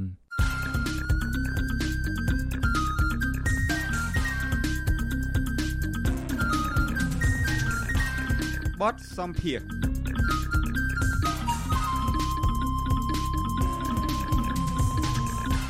ចាលោកនាងកញ្ញាប្រិមនៈស្ដាប់ជាទីមេត្រីអ្នកជំនាញផ្នែកច្បាប់ ចាត់ទុកករណីតុលាការចេញដីកាបង្ខំរឹបអូសលក់ទីស្នាក់ការគណៈបកសង្គ្រោះជាតិថាជាអំពើប្លន់អ្នកជំនាញច្បាប់អន្តរជាតិនិងវិទ្យាសាស្ត្រនយោបាយកញ្ញាសេងធីរីអះអាងថាតុលាការរបបក្រុងភ្នំពេញចេញសេចក្តីសម្រេចរឹបអូសទីស្នាក់ការគណៈបកប្រឆាំងនេះមិនមែនជាការអនុវត្តតាមច្បាប់ត្រឹមត្រូវនោះឡើយចាសសូមអញ្ជើញលោកនាងស្ដាប់បទសម្ភាសន៍រវាងលោកជុនច័ន្ទបុតនិងកញ្ញាសេងធីរីអំពីបញ្ហានេះដូចតទៅ។ សំណួរទី1របស់ខ្ញុំទៅធារីសួរត្រង់នេះ ថារឿងក្តីក្តាំរបស់លោកសំរងស៊ីនេះយើងបានដឹងហើយគឺថាមានក្តីក្តាំងនឹងចរាលរឿងណាប្តឹងគ្រប់សាច់រឿងទាំងអស់ខ្ញុំបាទចង់ដឹងថាតើរឿងក្តីមួយដែលភាគីចុងចោតមិនអាចឡើងទៅឆ្លើយនៅបំភ្លឺតឡាការដោយការមានការរៀបរៀងពីអាជ្ញាធរបែបនេះតើរឿងក្តីនឹងអាចចាត់ទុកថាជាបានការហើយតើអាចចេញកាត់ក្តីកំបាំងមុខនឹងបានទេកញ្ញា រឿងនេះសាមញ្ញមែនទែននៅក្នុងការឆ្លើយពីព្រោះជារឿងមុខៈជារឿងមុខៈអឺជំហានមុនត្បូងវាមុខៈហើយឲ្យជំហានក្រោយក្រោយទៀតវាឈប់និន័យហើយជំហានមុនត្បូងដែលមុខអញតែធ្វើឲ្យមុខៈហ្នឹងវាផ្ដោតអារម្មណ៍ទៅនីតិវិធីដ៏ត្រឹមត្រូវជាភាសាបច្ចេកទេស due process due process មានសារៈសំខាន់មហាសារៈសំខាន់នៅក្នុងនៃច្បាប់ ប្រសិនបើនីតិវិធីអត់ត្រឹមត្រូវអត់មានតម្លាភាពអត់មានការចូលរួមអត់មានអ្នកសាក្សីអត់មានវត្តមានផ្សេងផ្សេងទៀតឈប់មានន័យហើយច្បាប់កម្ពុជាទទួលធីរីសុំសុំសុំកាត់ប្រសាសន៍ធីរីបន្តិចធីរីអាចបង្វិលរូបភាពបានទេព្រោះរូបភាពនឹងរៀងបាទខាងយើងខាងយើងខាងយើងសេរីបានហើយធីរីបាទអរគុណអរគុណបាទអញ្ជើញតទៀតចុះសុំទោសចុះអូខេ បានចឹងរឿងនឹងសាមញ្ញមហាសានម៉ាញវាវាតេតិនដល់នីតិវិធីត្រឹមដល់ត្រឹមត្រូវជាភាសាបច្ចេកទេសជាភាសាបច្ចេកទេសអង់គ្លេសយើងធ្លាប់យើងអាចធ្លាប់ឮជាភាសាអានជាពួកយើងជាខ្មែរអាចឮជាភាសាអង់គ្លេសដែរ due process បាទ due process ពាក្យពីរនឹងទេប៉ុន្តែជាមូលដ្ឋាន ជាគ្រឹះនៃច្បាប់ទាំងអស់ តើរំលោភ due process នីតិវិធីដ៏ត្រឹមត្រូវហើយជាភាសាច្បាប់ជាភាសាបច្ចេកទេសអ្វីអ្វីក្រោយមកឈប់មានន័យខ្ញុំឲ្យឧទាហរណ៍អំពីហើយវាតេទៀនមួយដល់សហរដ្ឋអាមេរិកនៅក្នុងការផ្ដល់ជាឧទាហរណ៍ដែលវាស្របនឹងជាមួយសភាពការនៅកម្ពុជាហើយទី2វាតេទៀនដល់ច្បាប់កម្ពុជាតែម្ដងដែលនិយាយច្បាស់ណាស់ចាញ់ឡើងខ្លាមែនតើខ្ញុំសូមបញ្ជាក់ថានៅ រដ្ឋធម្មនុញ្ញសហរដ្ឋអាមេរិក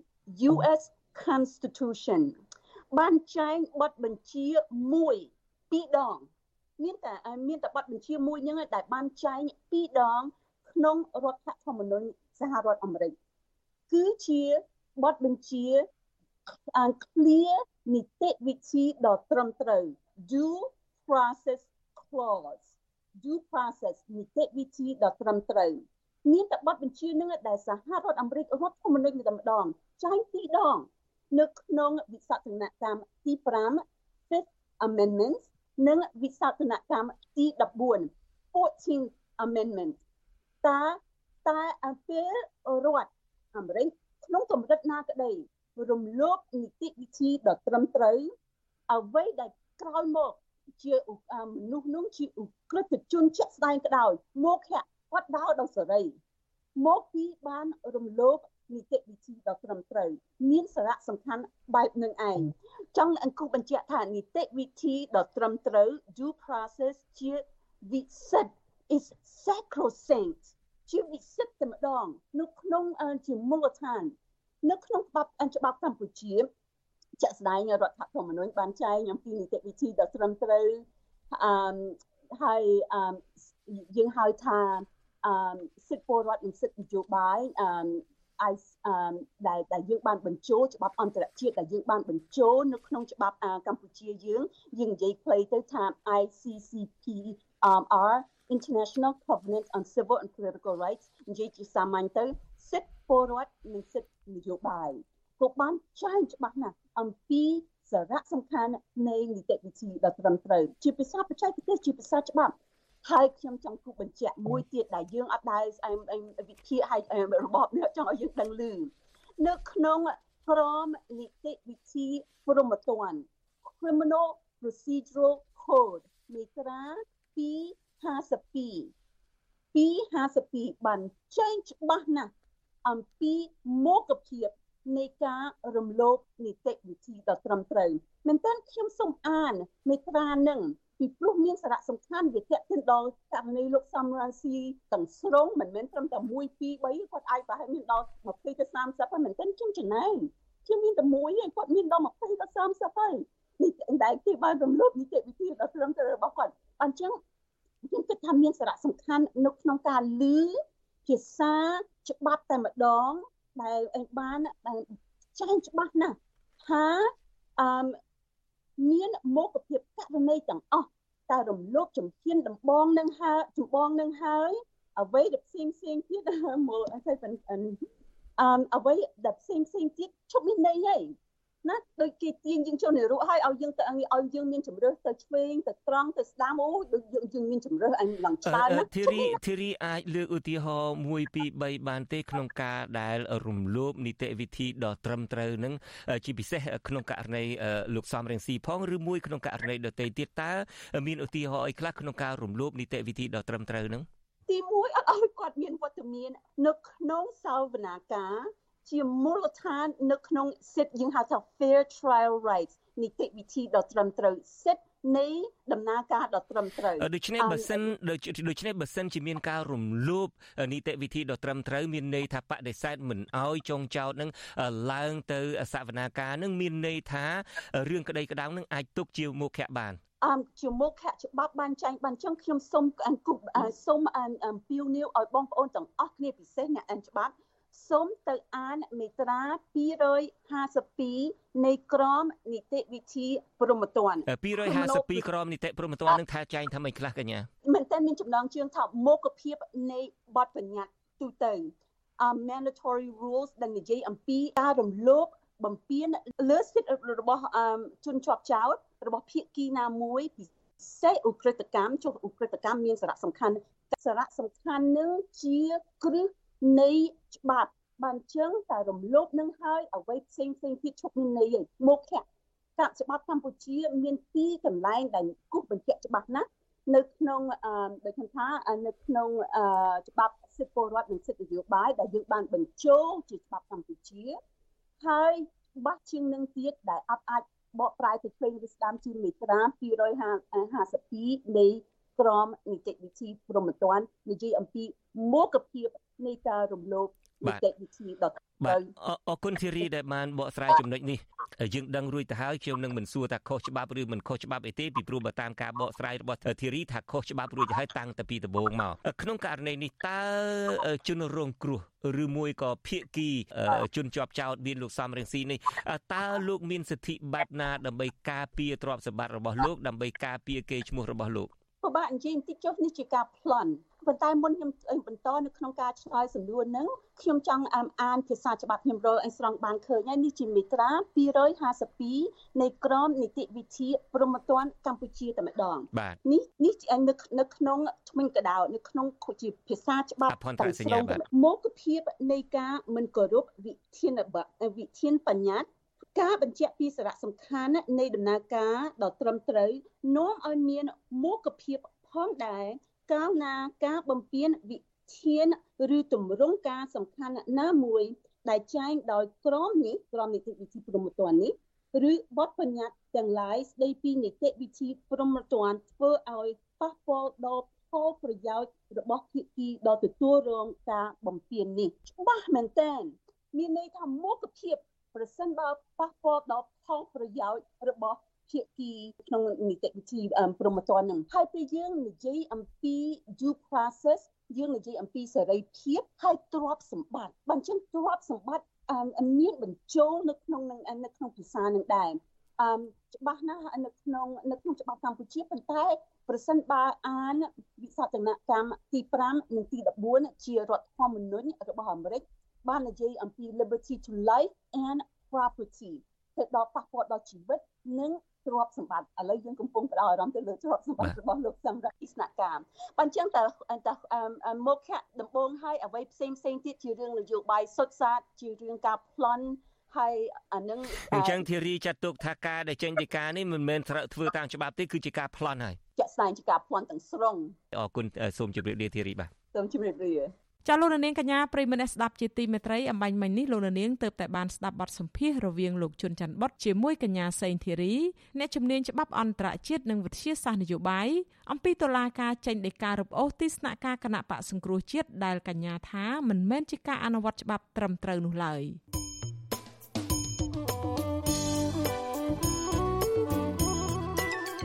ចលនានាងកញ្ញាជាទីមេត្រីនាងខ្ញុំមានសេចក្តីរីករាយសូមជម្រាបជូនលោកនាងថាចាប់ពីពេលនេះតទៅយើងនឹងចាប់ផ្ដើមផ្សាយចេញពីបន្ទប់ផ្សាយនៃទីស្នាក់ការធំរបស់អាស៊ីសេរីជាបណ្ដាបណ្ដាវិញយើងវិលត្រឡប់ចូលការិយាល័យវិញនេះជាដំណាក់កាលដំណាក់កាលនេះដំណាក់កាលដំបូងយើងចាប់ផ្ដើមផ្សាយ3ថ្ងៃពីបន្ទប់ផ្សាយនៃការិយាល័យកណ្ដាលឯ4ថ្ងៃទៀតយើងនឹងនៅតែរក្សាការផ្សាយពីផ្ទះរៀងៗខ្លួនសិន។ ប្រសិនបើស្ថានភាពជំងឺឆ្លងសកលនេះកាន់តែធូរស្រាលយើងនឹងបង្កើនការផ្សាយពីបន្ទប់ផ្សាយនៃការិយាល័យកណ្ដាលឲ្យបានកាន់តែច្រើនចាយើងបានរងចាំឱកាសជួបជុំគ្នាធ្វើការឡើងវិញនេះអស់រយៈពេលជិត2ឆ្នាំហើយហើយយើងសង្ឃឹមថា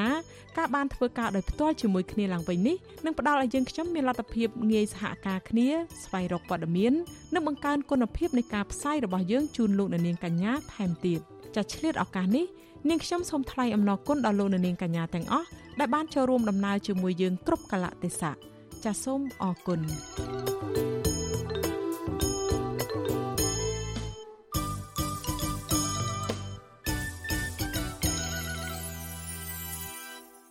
ចាលោករនាងជាទីមេត្រីសកម្មជនការពារបរិស្ថានធនធានធម្មជាតិនិងសង្គមដែលទើបចេញពីពន្ធនាគារនៅតែបន្តបដិញ្ញាតស៊ូមតិដោយសន្តិវិធីតាមមធ្យោបាយរៀងៗខ្លួន ដើម្បីទាមទាររកយុត្តិធម៌និងសេរីភាពពេញលេញពួកគាត់ថាក្នុងសង្គមប្រជាធិបតេយ្យប្រជាពលរដ្ឋគ្រប់រូបដែលឈឺឆ្អាលបញ្ហាសង្គមនិងមិនបានប្រព្រឹត្តកំហុសអ្វីល្មើសច្បាប់នោះមិនគួរណាអាជ្ញាធរធ្វើទុកបុកម្នេញឥតស្រាកស្រានបែបនេះនោះទេ ចាលោកមួងណារ៉េតមានសេចក្តីរាយការណ៍ពុស្ដាអំពីរឿងនេះក្រោយពីចេញពីពន្ធនាគារសមាជិកក្រុមយុវជនខ្មែរថាវរៈសកម្មជនមេដាធម្មជាតិនិងសមាជិកក្រុមការងារ100រាត្រី ដែលសុទ្ធតែត្រូវតឡាការនៃរបបក្រុងភ្នំពេញផ្ដន្ទាទោសឲ្យជាប់ពន្ធនាគារម្នាក់ម្នាក់ជាង1ឆ្នាំ និងព្យួរទោសច្រើនខែដោយសារតែសកម្មភាពតវ៉ាបញ្ហាបរិស្ថានធនធានធម្មជាតិសិទ្ធិសេរីភាពនិងយុត្តិធម៌សង្គម នៅតែចាត់ទុកថាសង្គមកម្ពុជា មានការរឹតបន្តឹងសិទ្ធិសេរីភាព និងពោពេញទៅដោយអំពើអយុត្តិធម៌សង្គមនិងការបំផ្លិចបំផ្លាញបរិស្ថាននិងធនធានធម្មជាតិដែលពួកគាត់មិនអាចនៅស្ងៀមអោបដៃឈរមើលបាននោះឡើយបើទោះបីជាពួកគាត់រងការធ្វើទុកបុកម្នេញឥតស្រាកស្រានពីអាជ្ញាធររដ្ឋយ៉ាងណាក៏ដោយពួកគាត់បានជ្រើសរើសយកវិធីអហិង្សាផ្សេងៗនៅក្នុងការតស៊ូមតិដើម្បីដោះស្រាយបញ្ហាទាំងនេះ។ សមាជិកក្រុមយុវជនខ្មែរថាវរៈកញ្ញាសូមេតាដែលធ្លាប់បង្អត់អាហារខ្លួនឯងនៅក្នុងពន្ធនាគារជិត9ខែនឹងទៅចេញពីមន្ទីរពេទ្យដោយសារតែខ្សោយកម្លាំងខ្លាំងថាការដោះលែងកញ្ញាឲ្យនៅក្រៅឃុំពេលនេះមិនបានផ្ដល់ភាពយុត្តិធម៌ដល់កញ្ញានោះទេព្រោះតឡាការកាត់ក្តីឲ្យកញ្ញាមានទោសទាំងកញ្ញាមិនបានប្រព្រឹត្តខុសនិងតឡាការបន្តរដ្ឋបတ်សិទ្ធិសេរីភាពកញ្ញាបន្តរហូតច្រើនខែទៅមុខទៀត។ កញ្ញាថាពេលនេះបើទោះបីជានៅក្រៅឃុំក៏កញ្ញាស្ថិតនៅក្នុងស្ថានភាពដូចជាប់ទ្រង់ដដែលព្រោះទៅណាក៏មិនបាននឹងធ្វើអ្វីក៏មិនកើតបើទោះបីជាកញ្ញាមានសុខភាពខ្សោយខ្លាំងក៏កញ្ញាបដិញ្ញាថានឹងបន្តការបង្អត់អាហារខ្លួនឯងនេះតទៅទៀតដើម្បីតវ៉ាទាមទាររកយុត្តិធម៌និងឲ្យដោះលែងអ្នកទោសមនសិការទាំងអស់ព្រមទាំងទម្លាក់ចោលរាល់បទចោទប្រកាន់មកលើរូបកញ្ញា និងសកម្មជនឯទៀត។ កញ្ញាថាកាលកញ្ញានៅជាប់ពន្ធនាគារស្ថានភាពលំបាកវេទនាខ្លាំងបំផុតផងកញ្ញានៅអាចធ្វើពហិការដោយបង្អត់អាហារនេះបានរាប់ខែដូច្នេះកញ្ញាជឿថាពេលនៅក្រៅពន្ធនាគារបែបនេះកញ្ញាពិតជាអាចបន្តការតស៊ូមតិដោយមធ្យោបាយអហិង្សានេះបាន ដោយមិនរារែកចិត្តនោះឡើយយើងធ្វើដោយសន្តិវិធី អហិង្សាខ្ញុំយកទ្រឹស្ដីពីតាមបពៈបរោះយើងហើយតាមលោកគ្រូកែមលីហើយលោកមហាធម្មគុន្ធីគាត់យកយុទ្ធសាស្ត្រអហិង្សាហ្នឹងគាត់ធ្វើទៅបានជោគជ័យស្រដៀងគ្នានេះដែរភាពជោគជ័យនៃការតស៊ូមតិដោយអហិង្សានៅក្នុងសង្គមដែលរងការរិះគន់និងថ្កោលទោសជុំទិសពីរឿងរំលោភសិទ្ធិមនុស្សនិងបំផ្លាញប្រជាធិបតេយ្យធ្ងន់ធ្ងរនេះបើតាមសកម្មជនមួយរូបទៀតដែលទៅចេញពីពន្ធនាគារដែរនោះ លោកថាវាចំណុះទៅលើការតាំងចិត្តនិងពលិកម្មរបស់សម័យខ្លួន សមាជិកក្រុមយុវជនខ្មែរថាវរៈដែរនិងជាអតីតប្រសង់ដែលត្រូវអាជ្ញាធរផ្សឹកទាំងបង្ខំនិងចាប់ខ្លួនទាំងកំរោលដោយគ្មានដីកាត្រឹមត្រូវផងនោះលោកកើតសារាយជ្រើសរើសវិធីតស៊ូមតិដោយអហិង្សាតាមមួយបែបទៀតគឺការមិនពាក់ស្បែកជើងលោកបញ្ជាក់ថាបើទោះបីជាតឡាការដោះលែងឲ្យលោកចេញនៅក្រៅឃុំពិតប្រាកដមែនក៏លោកមិនសប្បាយចិត្តឬរំភើបត្រេកអរអ្វីបន្តិចសោះ ព្រោះលោកថាតឡាការកាត់ទោសលោកឲ្យមានឈ្មោះជាជនល្មើសនិងដាក់ឲ្យស្ថិតនៅក្រោមការតាមដានតាមផ្លូវតឡាការ2ឆ្នាំទៅទៀតទាំងលោកជាមនុស្សស្អាតស្អំគ្មានបានប្រព្រឹត្តកំហុសដោយការចោទប្រកាន់របស់តឡាការទាល់តែសោះនោះ លោកកើតសារាយថាផ្លូវទៅរកយុត្តិធម៌សង្គមជាផ្លូវវែងឆ្ងាយនិងលំបាកក៏ប៉ុន្តែលោកយល់ថាឲ្យតែលោកមានការបដិញ្ញាចិត្តខ្ពស់លោកជឿជាក់ថាលោកអាចធ្វើបានលោកចាត់ទុកថាការធ្វើពហិការរបស់លោក ជានិមិត្តរូបនៃការតស៊ូមតិដោយសន្តិវិធី ដើម្បីជាគំរូដល់យុវជនចំនួនក្រោយយកមកអនុវត្តនិងចូលរួមធ្វើឲ្យស្ថានភាពសង្គមមានភាពល្អប្រសើរជាងនេះចំណុចទី1គឺការមិនពាក់ស្បែកជើងខ្ញុំក៏ជាផ្នែកមួយដែរចង់បង្ហាញទៅតឡាការគេ ព្រោះវាគោលដៅអត់ពាក្យបញ្ចេញខ្ញុំគឺដើម្បីស្វែងរកយុត្តិធម៌ដូចទៅហើយដូច្នេះចង់មិនចង់គឺវាតាក់ទងទៅលើការផ្ដល់យុត្តិធម៌ដល់ខ្ញុំហើយក៏ដូចជាសកម្មជននយោបាយសកម្មជនបដិឋានសិទ្ធិមនុស្សទូទៅណាហើយជាចំណុច2គឺវាបង្ហាញពីការបដិញ្ញាចិត្តដែលខ្ញុំគិតថាគ្រប់យ៉ាងវាគួរតែយើងនឹងគឺតើតែដាក់ចិត្តថាលះបង់ជាមួយវាហើយចង់បានធ្វើវាដោយយកចិត្តទុកដាក់ឲ្យហ៊ានលះបង់គ្រប់កលៈទេសៈទាំងអស់ណា អាញាធររបបលោកហ៊ុនសែនបានចាប់លោកកើតសរាយដែលកាលនោះជាសង្ឃគង់នៅវត្តដំរីសក្រុងបាត់ដំបង កាលពីដើមខែកញ្ញាឆ្នាំ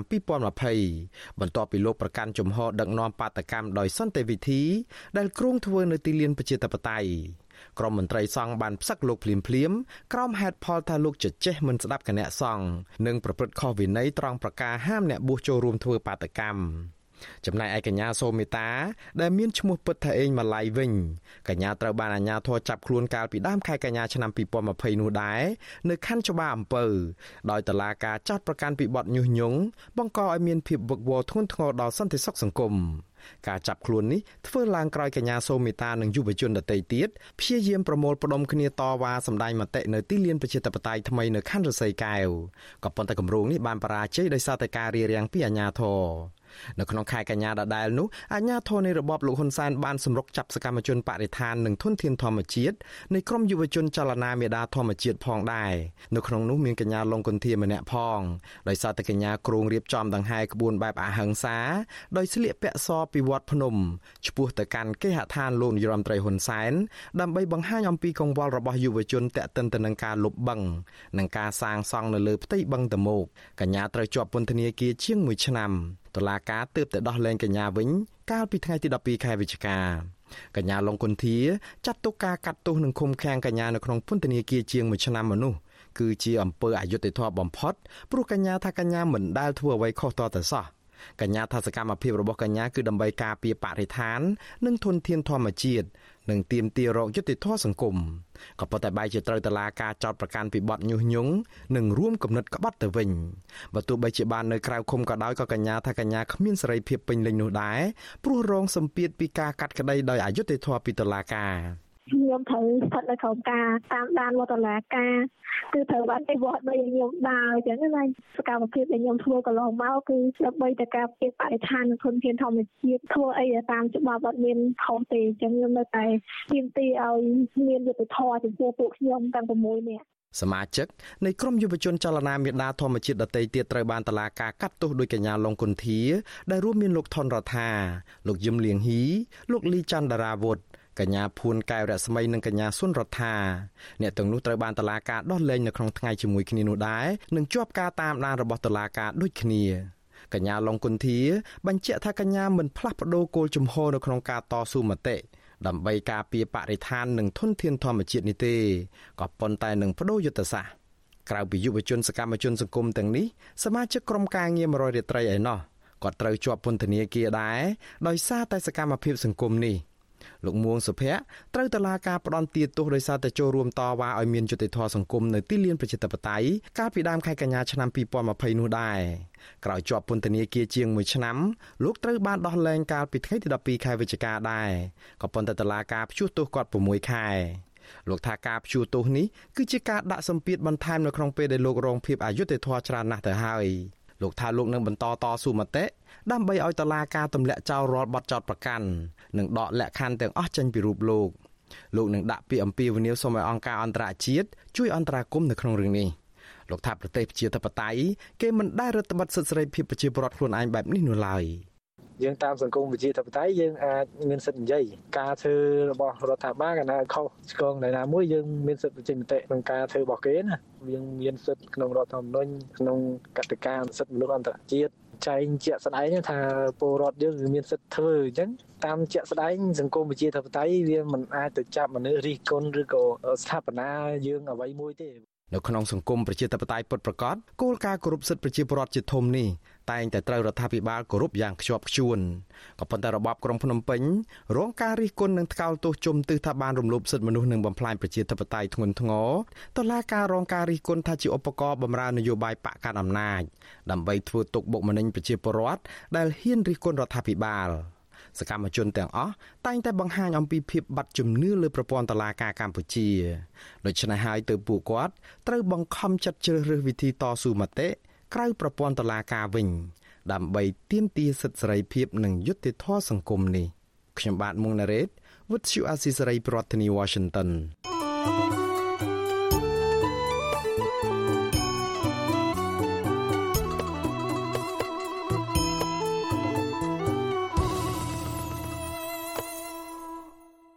លោកនាងកញ្ញាប្រិមមអ្នកស្ដាប់ជាទីមេត្រីការផ្សាយរយៈពេល1ម៉ោងមកនេះបានឈានមកដល់ទីបញ្ចប់ហើយចានាងខ្ញុំសូមជូនពរដល់លោកនាងកញ្ញាទាំងអស់ឲ្យជួបប្រកបតែនឹងសេចក្តីសុខចម្រើនរុងរឿងកុំបីឃ្លៀងឃ្លាតឡើយ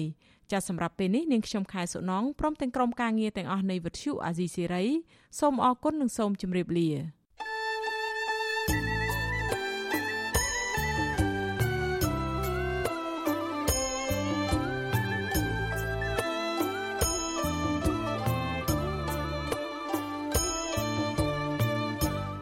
ទ្យុអាស៊ីសេរីផ្សាយតាមរលក ធាតុអាកាសខ្លីឬ short wave តាមកម្រិតនិងកម្ពស់ដូចតទៅនេះ។ពេលព្រឹកចាប់ពីម៉ោង5កន្លះដល់ម៉ោង6កន្លះតាមរយៈរលកធាតុអាកាសខ្លី9390 kHz ស្មើនឹងកម្ពស់ 32m និង11850 kHz ស្មើនឹងកម្ពស់ 25m លោកអ្នកនាងក៏អាចអាននិងទស្សនាព័ត៌មានវិទ្យុអេស៊ីសរ៉ៃ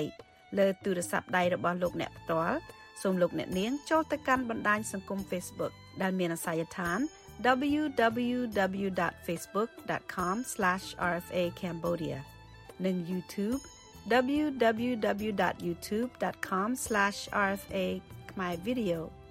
សូមលោកអ្នកនាងចុច like និងចុច subscribe ដើម្បីទទួលបានព័ត៌មានថ្មីៗទាន់ហេតុការណ៍និងទស្សនាវីដេអូផ្សេងៗទៀតបានគ្រប់ពេលវេលា។